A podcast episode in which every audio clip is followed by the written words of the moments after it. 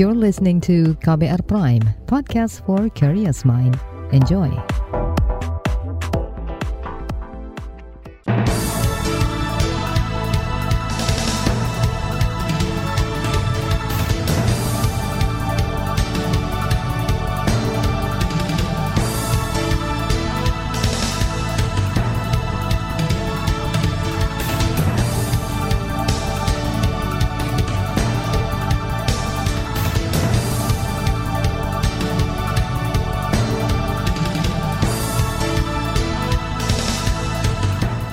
Selamat pagi saudara, senang sekali kami bisa menjumpai Anda melalui program Buletin Pagi edisi Kamis 10 November 2022. Bersama saya Naomi Liandra, sejumlah informasi pilihan telah kami siapkan. Di antaranya, pemerintah didorong rumuskan kebijakan lingkungan di KTT G20. IDAI menduga COVID-19 jadi salah satu penyebab ginjal akut. Ratusan peternak di NTB belum terima ganti rugi. Inilah Buletin Pagi selengkapnya. Terbaru di Buletin Pagi. Kalangan anggota Dewan mendorong pemerintah memaksimalkan forum konferensi tingkat tinggi KTT G20 untuk merumuskan kebijakan lingkungan yang berkelanjutan. Pemerintah diminta serius mengatasi dampak perubahan iklim dan kerusakan lingkungan. Anggota Komisi Lingkungan Hidup dan Kehutanan DPR Suhardi Duka menilai selama ini kebijakan-kebijakan pemerintah dalam penurunan emisi gas rumah kaca belum maksimal keseimbangan karbon kita. Untuk saat ini masih plus ya, belum kekurangan. Akan tetapi kalau ini tidak dilakukan dan direncanakan dalam jangka panjang, maka bisa saja kita nanti akan beli karbon. Nah ini yang kita harus cegah karena kepentingan ekonomi, kepentingan katakanlah seperti eksploitasi terhadap tambang dan berbagai macam. Itu justru memang bukan hanya menembus seperti mangrove, gambut itu sekarang ini kan sudah semakin berkurang. Sedangkan itu justru yang harus dijaga karena tingkat kepentingannya jauh lebih panjang. Suhardi menambahkan pemerintah harus membuat rencana jangka panjang untuk menyelamatkan hutan Indonesia dari ancaman krisis iklim. Tidak hanya sekadar membuat proyek yang dipamerkan saat G20 saja. Saudara, isu lingkungan menjadi salah satu topik yang dibahas dalam pertemuan negara-negara G20. Salah satu isu prioritas yang dibahas yaitu peningkatan aksi berbasis daratan dan lautan untuk mendukung perlindungan lingkungan hidup dan tujuan pengendalian perubahan iklim. Presiden Jokowi berulang kali mengklaim bakal menunjukkan kepedulian Indonesia terhadap lingkungan di KTT G20. Sebelum gelaran acara puncak 15 hingga 16 November, Jokowi kerap memamerkan program-program yang diklaim pro lingkungan yang dibangun di Bali mulai dari Taman Hutan Raya Tahura, pembangkit listrik tenaga surya PLTS Muara Tukat, hingga stasiun pengisian kendaraan listrik umum SPKLU. Wakil Presiden Maruf juga mengklaim upaya Indonesia dalam menangani krisis perubahan iklim lebih konkret dibandingkan negara lain. Itu disampaikan Maruf di sela konferensi tingkat tinggi KTT Perubahan Iklim PBB atau Conference of the Parties COP ke-27 di Mesir. Wapres mengatakan upaya strategis yang dilakukan di antaranya mengurangi emisi gas rumah kaca secara signifikan dalam Nationally Determined Contribution atau NDC. Kita sudah menyampaikan rancangan kita itu dua bulan yang lalu ya, menggunakan target ya, dari 29 menjadi 31,9 dengan usaha sendiri. Dari 41 menjadi 43 dengan bantuan internasional. Wapres menambahkan Indonesia sebagai presidensi G20 akan terus mendorong pemulihan hijau serta aksi iklim yang kuat dan inklusif. Di pihak lain, Badan Riset dan Inovasi Nasional BRIN menilai Indonesia masih perlu meningkatkan upaya mitigasi laju kerusakan ekosistem akibat perubahan iklim. Peneliti Pusat Riset Ekologi dan Etnobiologi Brin Sutomo mengatakan KTT G20 mestinya menjadi momentum tepat bagi pemerintah. Kita juga perlu melakukan lagi ke kegiatan rehabilitasi, restorasi gitu ya. Restorasi habitat itu perlu perlu terus ditingkatkan karena uh, ke depannya mengingat adanya climate change ini maka laju kerusakan ekosistem itu akan semakin cepat begitu ya. Nah laju kerusakan ekosistem ini akan membawa banyak dampak terutama adalah kepunahan jenis dan mungkin salah satu jenis-jenis yang bermanfaat sebagai blue and green carbon ini gitu. Sutomo mengusulkan pemerintah menyiapkan model prediksi untuk menentukan jenis-jenis karbon yang bermanfaat. Jika tidak diantisipasi dengan baik, Indonesia tak bisa memanfaatkan blue carbon dan green carbon yang potensinya cukup tinggi di tanah air. Sementara itu, upaya pemerintah justru menuai kritik dari pegiat lingkungan. LSM Greenpeace Indonesia menilai komitmen pemerintah belum signifikan mengatasi dampak perubahan iklim. Kepala Kampanye Iklim dan Energi Greenpeace Indonesia, Tata Musyafa, mengatakan target penurunan emisi gas rumah kaca Indonesia belum memadai. Indonesia juga belum bisa beralih dari energi kotor batu bara pada 2050.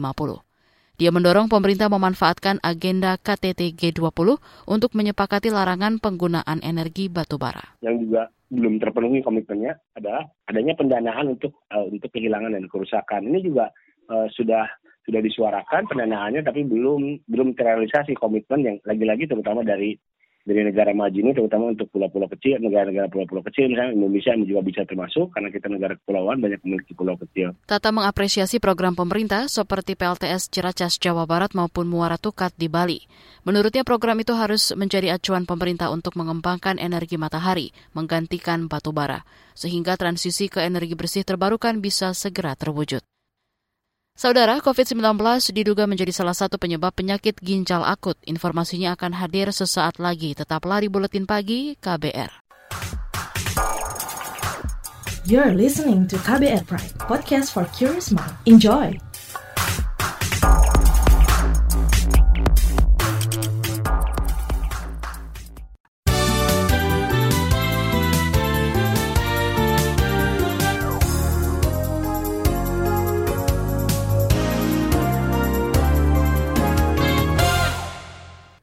Anda sedang mendengarkan buletin pagi KBR. Saudara Presiden Joko Widodo akan menghadiri konferensi tingkat tinggi KTT ASEAN ke-40 dan ke-41 di Kamboja. Rombongan Jokowi bertolak dari Bandara Internasional I Gusti Ngurah Rai Bali menuju Kamboja kemarin sore. KTT ASEAN berlangsung hari ini hingga 13 November mendatang. Dalam keterangannya sebelum lepas landas, Jokowi menyebut bakal menghadiri sekira 20 pertemuan. Salah satu fokus yang akan dibahas dalam KTT ASEAN adalah mengenai ketentuan keketuaan Indonesia di ASEAN tahun depan.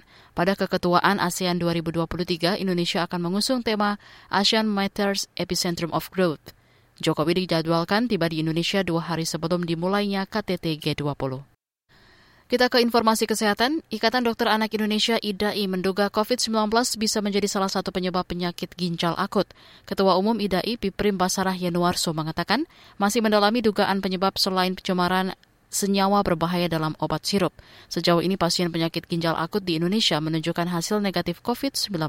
Beberapa hari yang lalu ya, pasca pelarangan sirup itu, kemudian ada anak yang sudah empat hari nggak kencing, COVID-nya positif tapi ada cerita dia minum sirup paracetamol dari Afif Pharma. Nah, ini kan ini apa karena karena COVID-nya atau karena sirupnya? Tapi karena situasinya seperti sekarang, akhirnya tetap pasien itu dalam waktu dia masuk sore, malamnya sudah masuk fomepizol, dan alhamdulillah tiga hari gitu sekarang sudah pindah ke bangsal. Pipri meminta para orang tua tidak memberikan anaknya obat sirup yang dilarang oleh Badan Pengawas Obat dan Makanan. Hingga 7 November, Kementerian Kesehatan mencatat ada lebih 320 kasus penyakit ginjal akut. Dari jumlah itu, 195 orang meninggal. Kabar Pemilu Kabar Pemilu Pernyataan Presiden Joko Widodo yang menyebut jatah Pilpres 2024 untuk Prabowo Subianto direspons oleh Partai Gerindra. Pernyataan itu sebelumnya disampaikan Jokowi dalam perayaan hari ulang tahun ke-8 Partai Perindo Senin lalu. Sekjen Partai Gerindra Ahmad Muzani menilai pernyataan Jokowi sebagai bentuk dukungan untuk Prabowo di Pilpres 2024. Kami merasa ini sebagai sebuah dorongan besar bagi kerja besar, kerja keras kami untuk bisa memenangkan Pak Prabowo dalam putaran Pilpres 2024. Itu tadi Sekjen Partai Gerindra Ahmad Muzani. Saudara, penjabat kepala daerah diminta tidak serampangan dalam mengambil kebijakan menjelang pemilu 2024. Itu disampaikan peneliti Pusat Riset Politik Badan Riset dan Inovasi Nasional BRIN, Siti Zuhro. Dia mengingatkan PJ kepala daerah tidak terjebak politik praktis. Siti mengatakan PJ kepala daerah harus berkonsultasi dengan Kementerian Dalam Negeri jika akan memutasi atau memecat pegawai. Beralih ke informasi lain, Menteri Koordinator Pembangunan Manusia dan Kebudayaan PMK Muhajir Effendi memperkirakan puncak bencana di Indonesia akan terjadi pada Desember hingga Januari 2023. Dia mengajak masyarakat terus waspada. Melaksanakan apel kesiagaan nasional, kesiapsiagaan nasional untuk menghadapi bencana hidrometeorologi karena tiga bulan ke depan intensitas bencana akan diperkirakan semakin meningkat Tantangan kebencanaan ini juga menjadi topik penting dalam rangkaian acara G20 di mana Bapak Presiden sekarang menjabat sebagai eh, Presiden G20. Sebelumnya pada Oktober lalu, Badan Nasional Penanggulangan Bencana BNPB mencatat rata-rata terjadi 70 bencana per pekan. Bencana didominasi hidrometeorologi basah seperti banjir, cuaca ekstrim, dan longsor. Kita ke informasi hukum. Pemerintah mengklaim mengakomodasi masukan masyarakat dalam rancangan Kitab Undang-Undang Hukum Pidana RKUHP terbaru versi 9 November 2022. Wakil Menteri Hukum dan HAM Edward Omar Syarif Hiraij mengatakan aspirasi masyarakat didapat dari dialog publik di belasan kota. Salah satu reformulasi RKUHP yakni mengubah penjelasan pasal penyerangan harkat dan martabat presiden dan wakil presiden supaya tidak multi-interpretasi. Uh, adapun penambahan Bapak Ibu yang mulia menambahkan satu pasal terkait penegasan beberapa tindak pidana dalam RUU KUHP sebagai tindak pidana kekerasan seksual. Ini sebagai salah satu bentuk harmonisasi dan sinkronisasi Bapak Ibu karena kita telah memiliki undang-undang tindak pidana kekerasan seksual. Dan di dalam uh, pasal 4 undang-undang AKUO itu kita uh, membuka peluang yang dikenal dengan istilah blankostraf bepalingan Edward menambahkan naskah terbaru RKUHP juga menghapus ketentuan soal penggelandangan unggas dan dua pasal terkait lingkungan hidup. Selain itu juga ada pasal yang ditata kembali terkait tindak pidana pencucian uang atau TPPU. Kita ke informasi ekonomi. Belum terserapnya belanja negara sekitar 1,2 kuadriliun rupiah dalam APBN bulan lalu dikritik kalangan ekonom. Wakil Direktur Lembaga Kajian Ekonomi Indef, Eko Listianto, menilai rendahnya serapan merupakan bukti ketidakoptimalan perencanaan anggaran. Menurut saya, bagaimanapun ya, karena ini nilainya cukup besar, itu menurut saya juga harus uh, pemerintah juga harus melakukan koreksi gitu terhadap bagaimana perencanaan anggarannya ke depan gitu. Karena kan ini berarti merencanakannya uh, tidak presisi gitu ya, tidak efisien gitu ya untuk bisa uh, mencapai dari target itu gitu. Kalau banyak yang nggak terserap kan nanti jadi uh, sisa anggaran lebih itu ya jadi sal gitu. Eko mengatakan pola penyerapan anggaran di triwulan keempat harus menjadi perhatian. Dia mendorong agar transisi serapan anggaran dari tiap triwulan bisa seimbang sehingga tidak menumpuk di akhir tahun. Beralih ke berita mancanegara, seorang wanita berusia 55 tahun di Cina bunuh diri lantaran tidak bisa keluar apartemennya saat penguncian wilayah atau lockdown. Perempuan itu melompat dari apartemen lantai 12 di ibu kota regional Hotho, Cina. Akibat kasus ini, publik Cina mengecam pemerintah dan memaksa merilis data bunuh diri selama lockdown ketat. Sebab Cina telah lama menerapkan kebijakan nol COVID-19 meski kasus sedikit.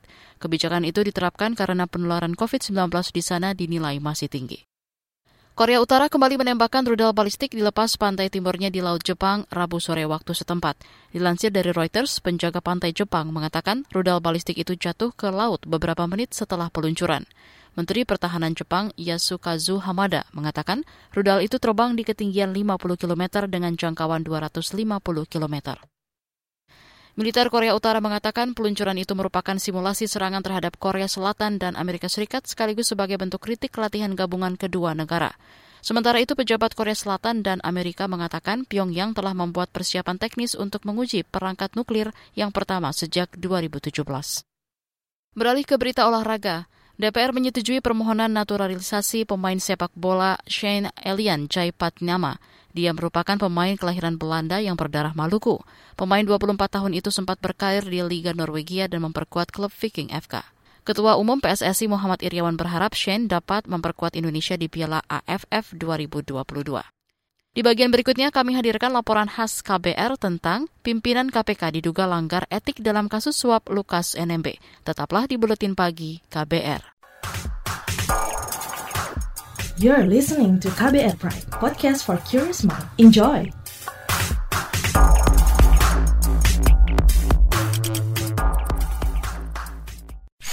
Commercial break. Commercial break. Anda sering gelisah, tidak bisa tidur nyenyak, selalu merasa ada yang merasuki pikiran Anda. Bukan iklan horor atau cerita seram. Tapi kalau Anda mengalami hal seperti itu, Anda pasti ketinggalan berita terupdate yang lagi ramai diperbincangkan. Gak mau kan dibilang ketinggalan berita?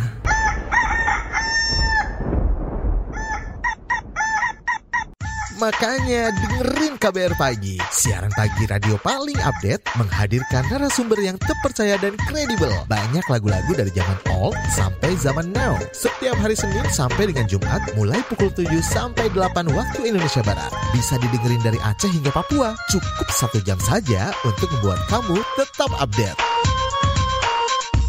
Woi, ayam siapa nih? Berisik, saya mau dengerin kabar pagi.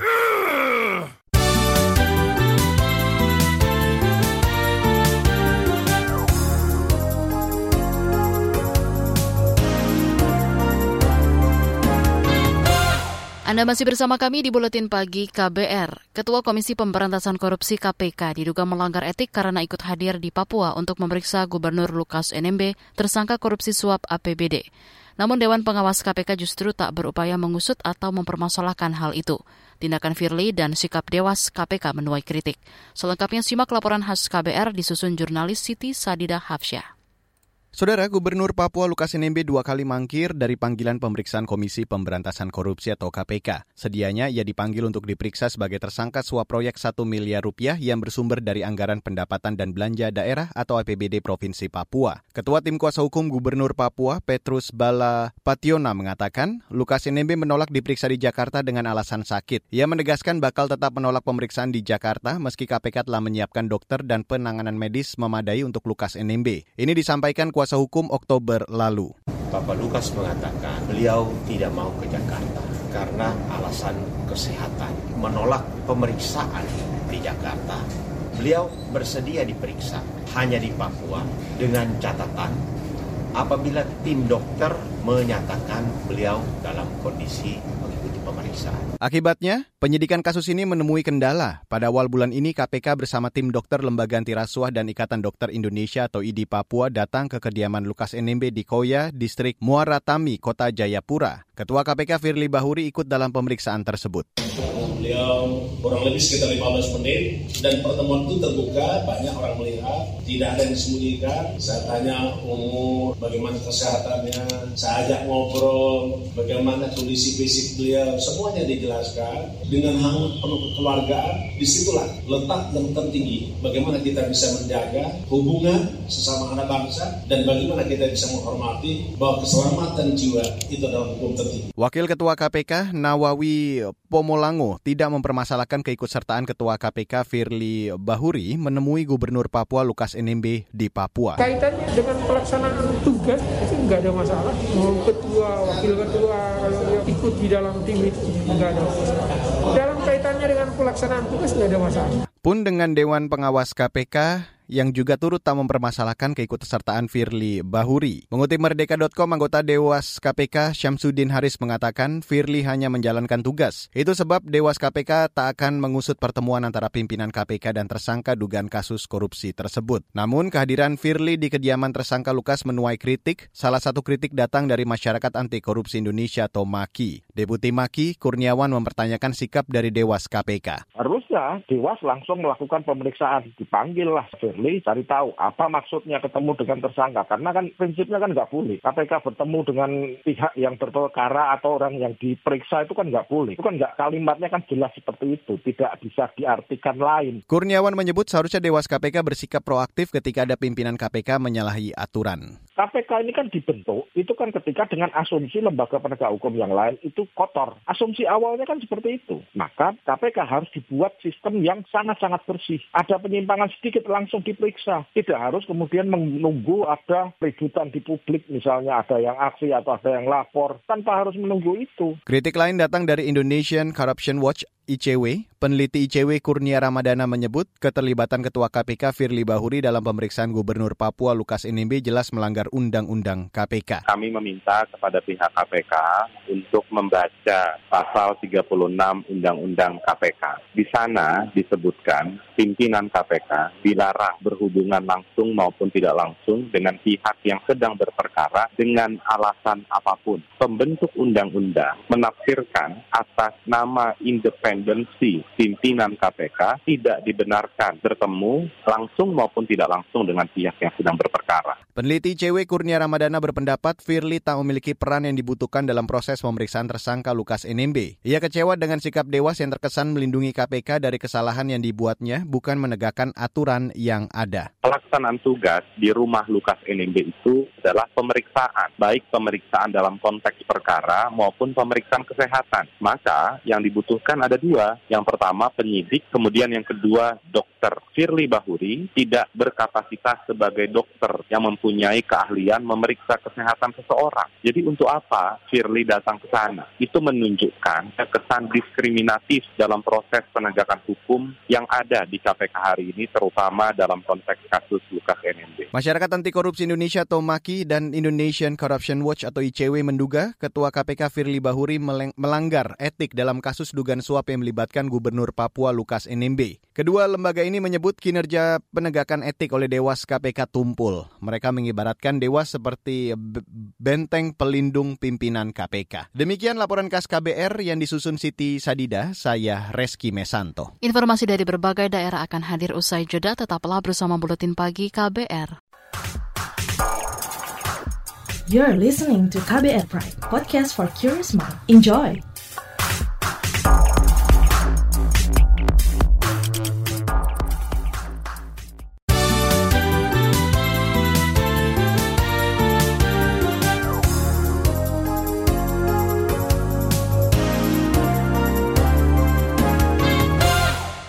Inilah bagian akhir buletin KBR. Saudara Gubernur Jawa Tengah Ganjar Pranowo mengaku tidak mempermasalahkan sikap bupati atau wali kota di wilayahnya yang belum menganggarkan mobil listrik sebagai kendaraan dinas.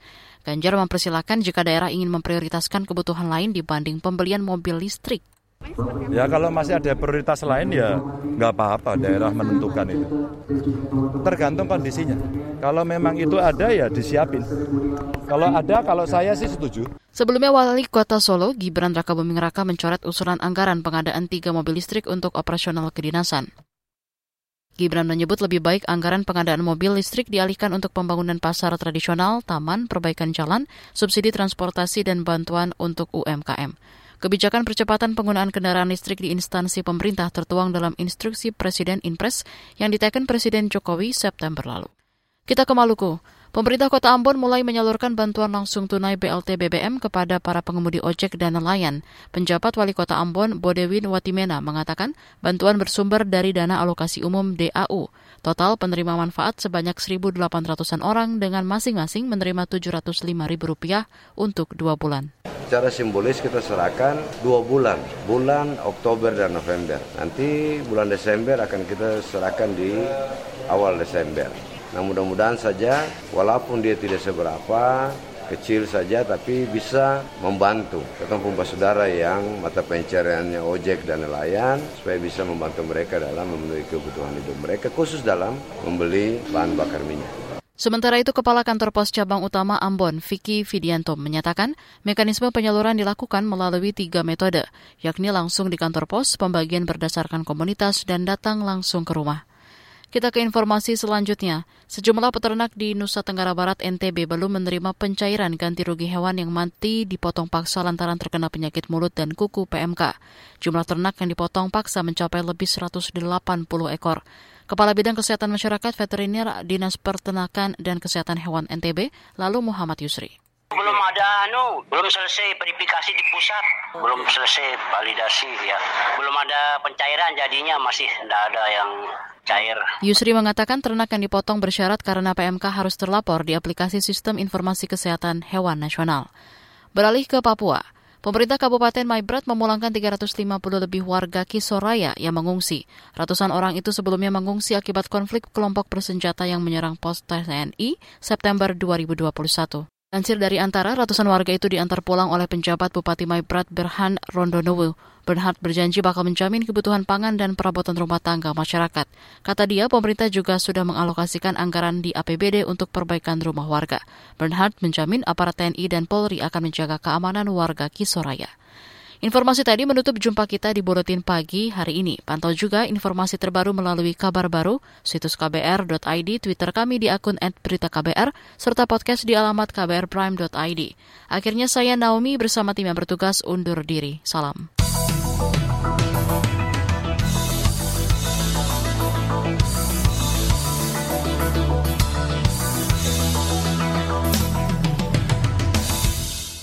KBR Prime, cara asik mendengar berita.